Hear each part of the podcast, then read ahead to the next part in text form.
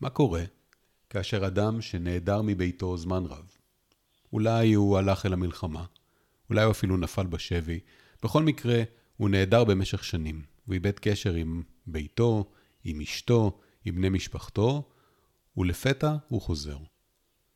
והחזרה הזאת, שהוא ציפה לה כל כך, החזרה הזאת מכילה כל כך הרבה סכנות ושאלות. מי בעצם חזר פה? האם זה אותו אדם שיצא?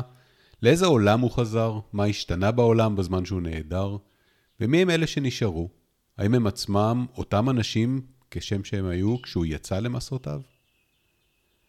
ראינו בעבר הרבה דוגמאות שבהם עגנון שילב ביצירה שלו מקורות יהודיים, מקורות תנכיים, תלמודיים. בפרנהיים, עגנון מתכתב עם מקור שאינו יהודי, עם האודיסאה. אודיסאוס המלך יצא למלחמת טרויה, וחזר רק אחרי עשר שנים. הוא עבר בדרך הרפתקאות רבות, הרבה פעמים הוא הסתכל למוות בלבן של העיניים, ובכל הפעמים האלה מה שהמריץ אותו לא לוותר, היא הציפייה להתאחד שוב עם אשתו, פנלופה, ועם בני ביתו.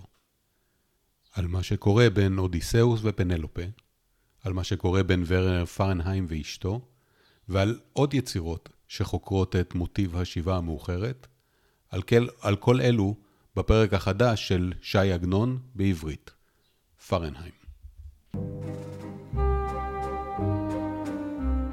שי עגנון בעברית. מה? מה זאת אומרת? הוא כבר כתוב בעברית. קוראים עגנון עם איציק פרנופס.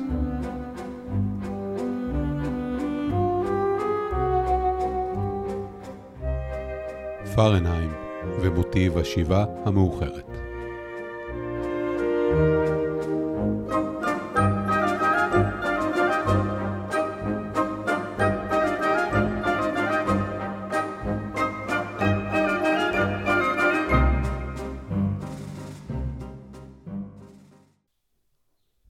שיבה מאוחרת היא מוטיב ספרותי. מוטיב, כלומר נושא החוזר בווריאציות שונות ביצירות רבות. הנושא של המוטיב, גיבור, השב הביתה לאחר זמן רב, ומה שקורה לו, לגיבור ולסביבתו בזמן השיבה. מי שהכניס את המוטיב הזה לתרבות העולמית הם היוונים עם האודיסאה, והם גם נתנו למוטיב הזה שם קסום, נוסטוס, שממנו התגלגלה לימינו המילה נוסטלגיה, כלומר געגועים אל העבר. עגנון השתמש במוטיב השיבה המאוחרת בכמה יצירות. הידועה ביניהם ביותר היא אה, "והיה עקוב למישור", שם מנשה חיים חוזר ממסעותיו רק כדי לגלות שהוא נחשב למת, והוא ניצב בפני דילמה שטנית.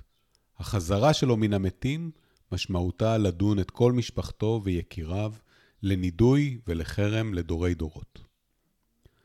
והיה עקוב למישור מתרחש בבוצ'אץ' בגליציה, אי שם במאה ה-19.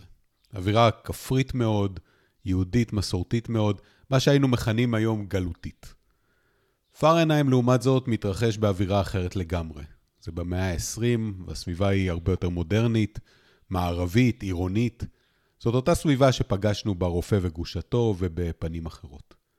ומעניין איך אותו מוטיב עצמו שימש גם ביוון העתיקה, גם בספר האוקראיני וגם בעיר המודרנית. כנראה שאנשים הם אנשים. פרנהיים פרק א' בחזירתו מצא את ביתו נעול. לאחר שצלצל ושנה ושילש, עלתה ובאה השומרת.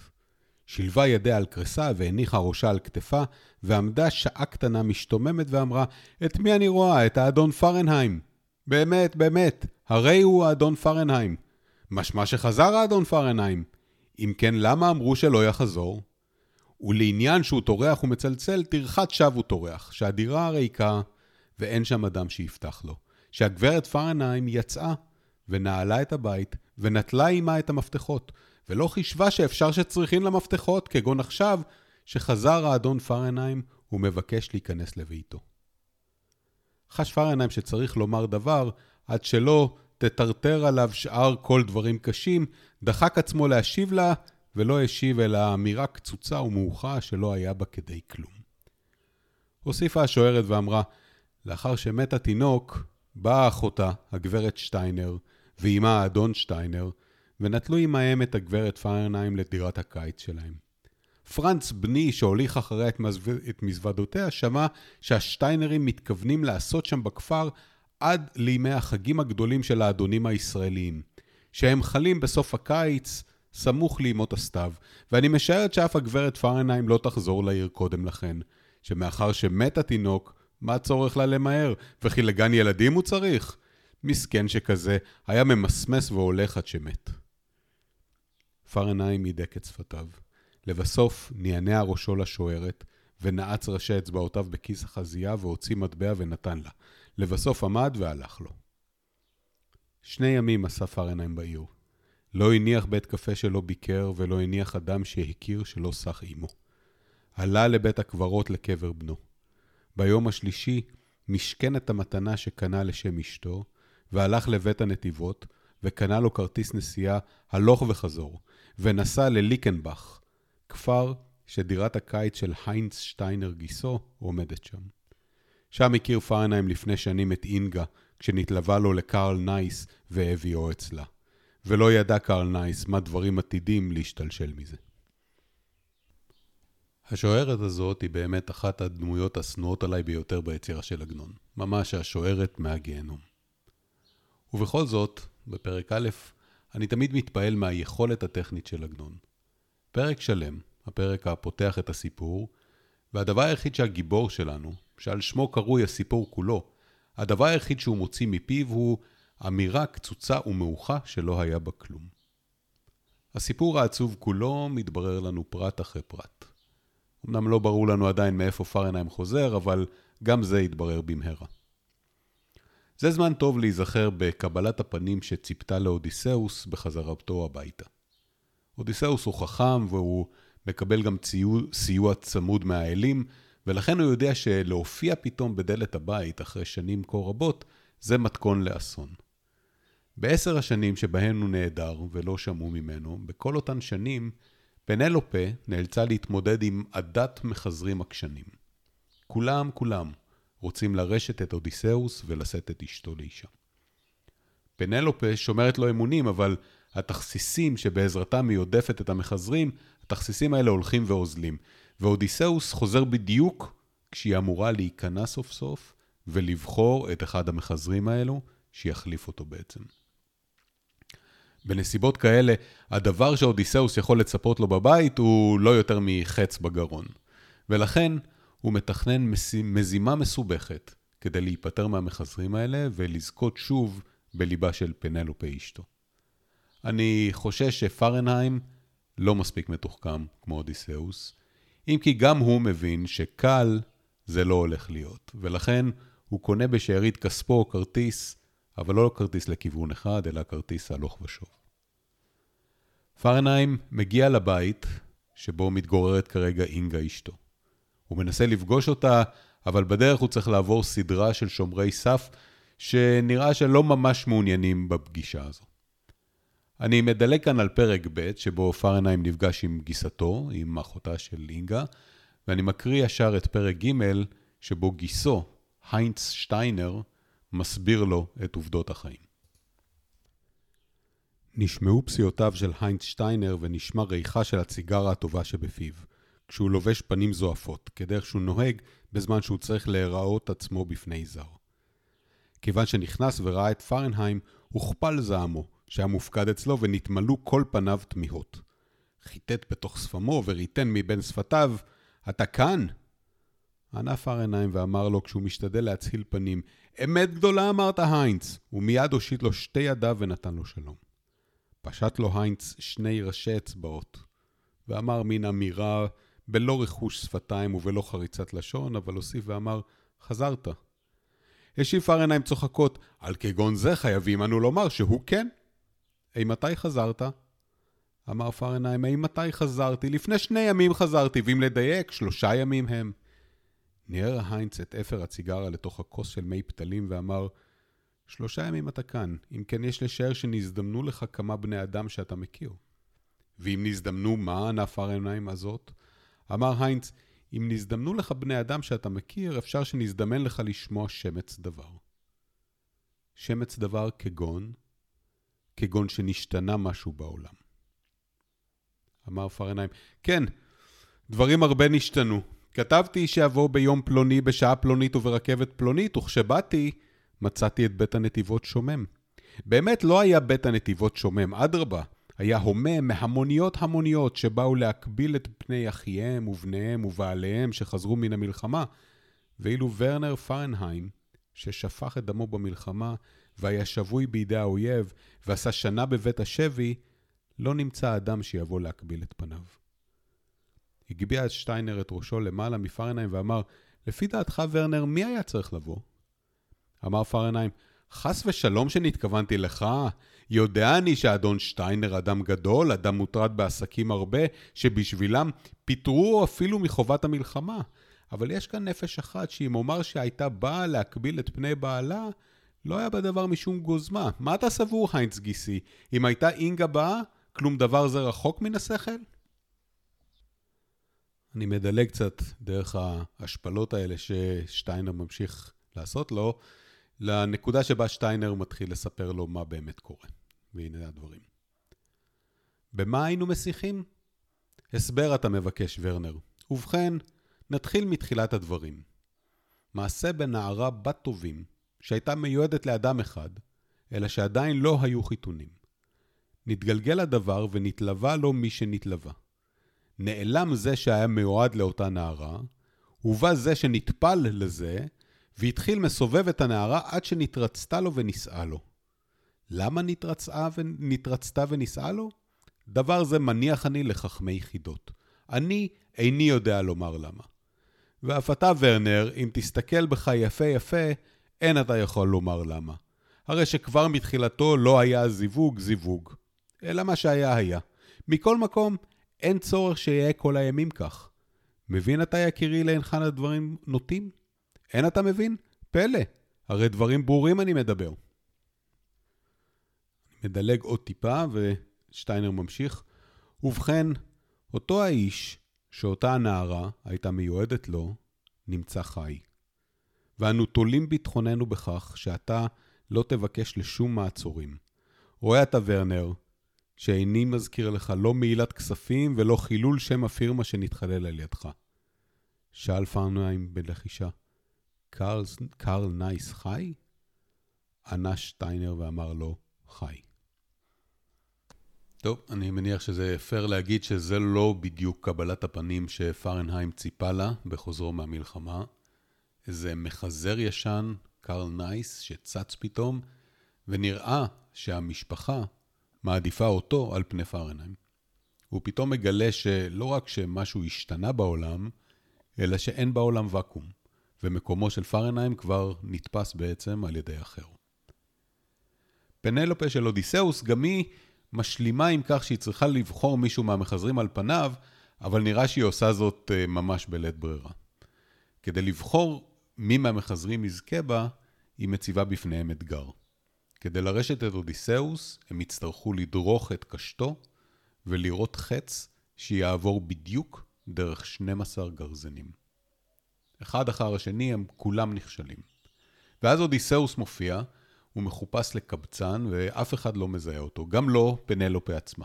בכל זאת, עברו כבר עשר שנים ומספיק הרפתקאות כדי לשנות כל אחד, כולל את אודיסאוס.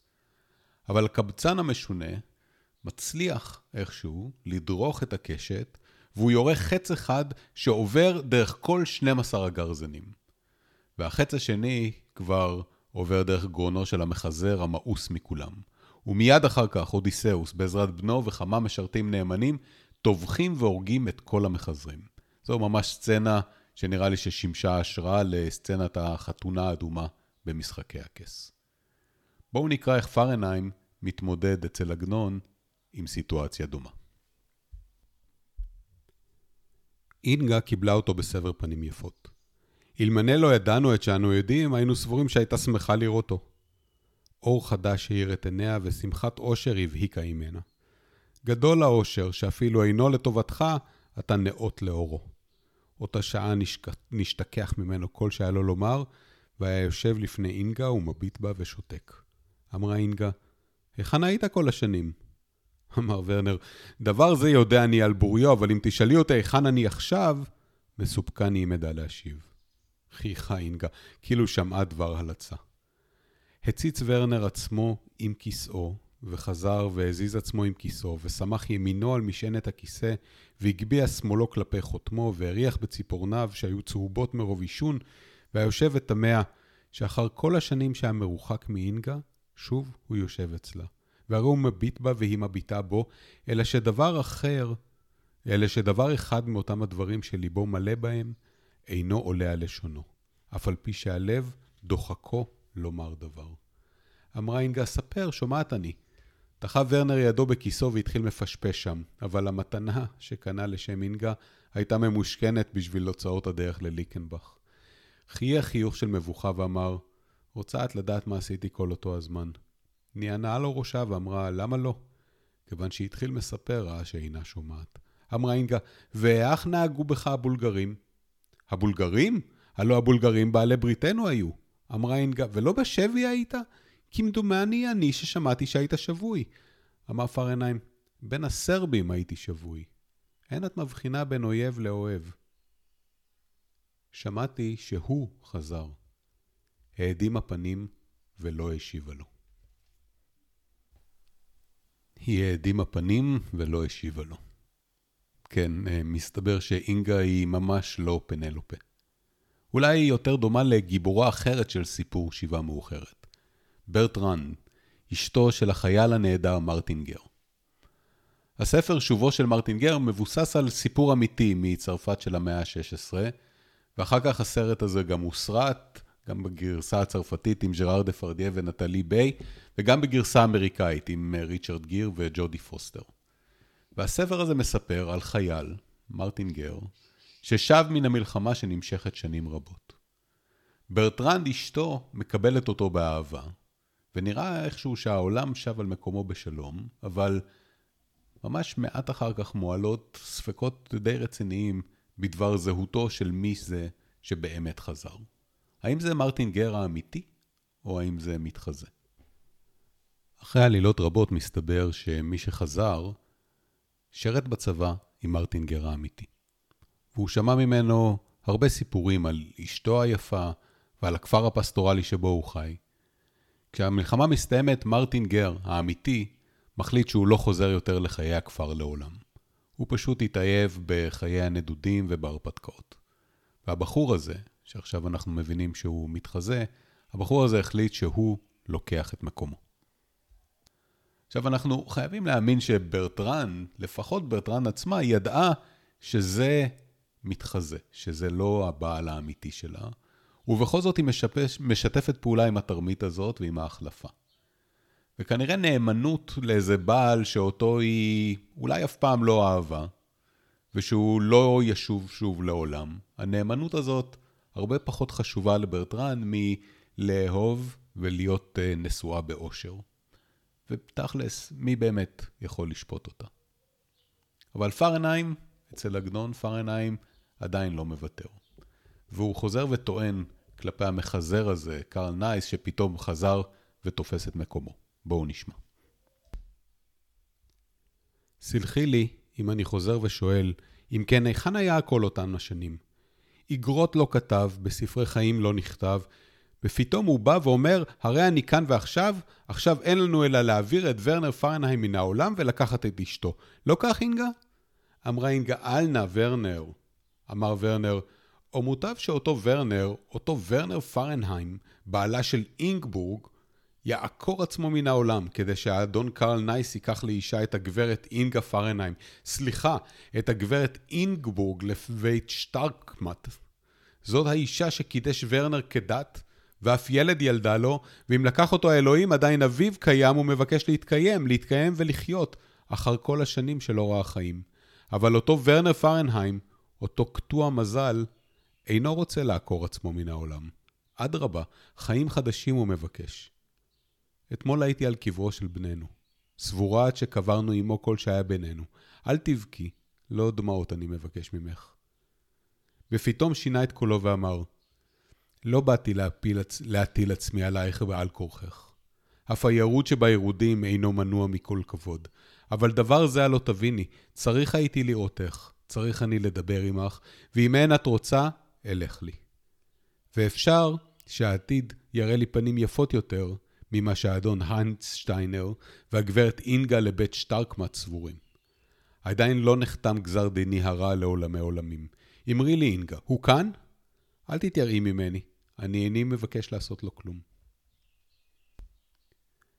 הביטה בו ואמרה, סלח לי, ורנר, קוראים לי ואני צריכה ללכת.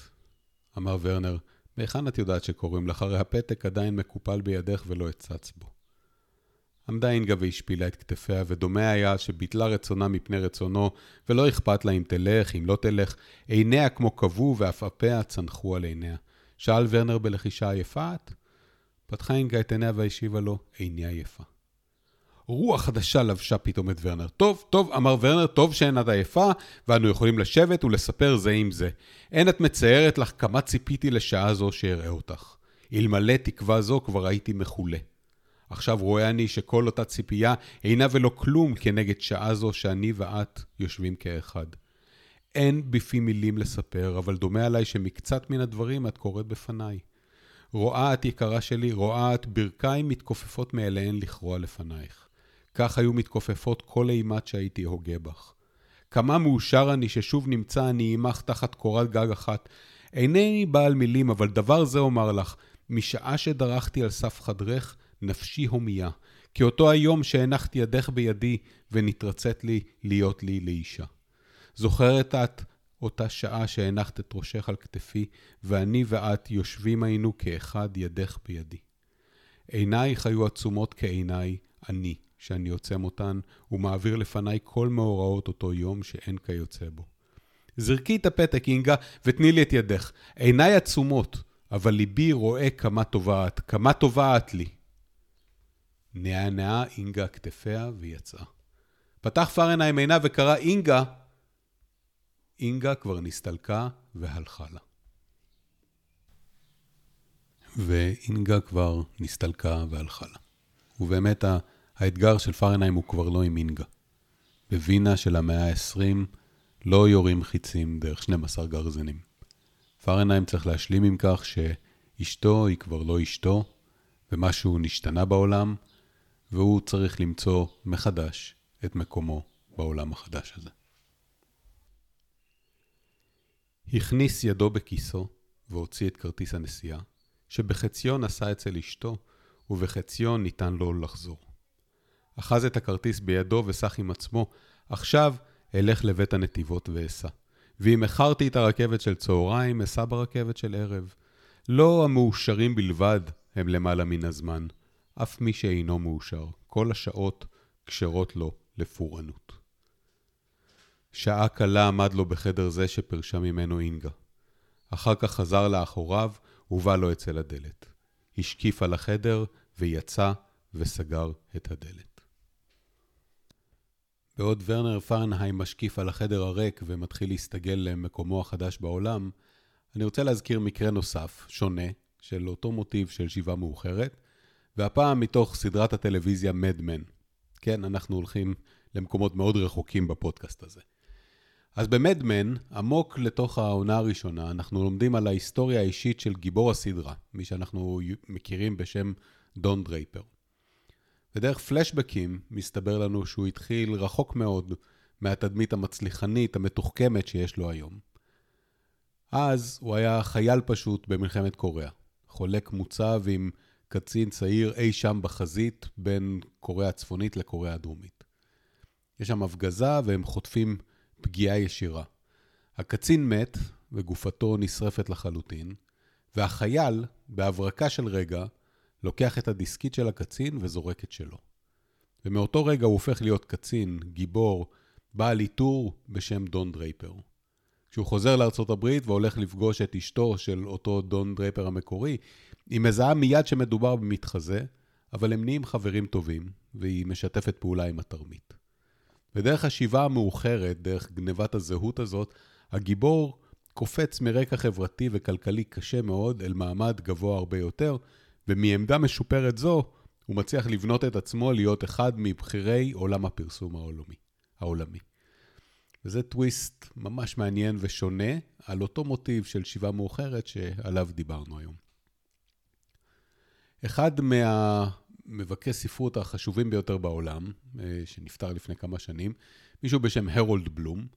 הוא היה אומר שלאורך כל ההיסטוריה האנושית היו רק שלושה סופרים מקוריים. הראשון היה המחבר האנונימי של התנ"ך, השני היה הומרוס, שחיבר את האיליאדה ואת האודיסאה, והשלישי היה שייקספיר. וכל שאר היצירות שנכתבו מאז ומעולם, לאורך כל ההיסטוריה האנושית, כל היצירות האלה הן אינטרפטציות על, או על התנ"ך, או על האיליאדה והאודיסאה, או על אחת היצירות של שייקספיר. זאת כמובן אמירה ממש מעצבנת ופרובוקטיבית. אבל בפרק שלנו ראינו דוגמה מאוד יפה, איך אפשר לעקוב אחרי השתלשלות של רעיונות ספרתיים, ספרותיים, כל הדרך מיוון העתיקה, דרך מזרח אירופה ומערב אירופה, כל הדרך עד למדיסון אבניו במנהטן. ועם זה נסיים ונתראה בפרק הבא. שיר ישן נושע, שיר של חיילים שחוזרים אחרי הקרב. שיר של אהובה מחכה לך, מישהו שר את זה קודם. זהו שיר אחרי מלחמה. תמיד מזכיר לי תקווה. היא מחכה, אהובה כבר חוזר. זהו שיר שבא אחרי המלחמה. הוא כותב אותה, היא עונה שלושה, ככה זה הולך תמיד. שולח שיר, היא מוחה דמעה, מי שהוא שר את זה קודם.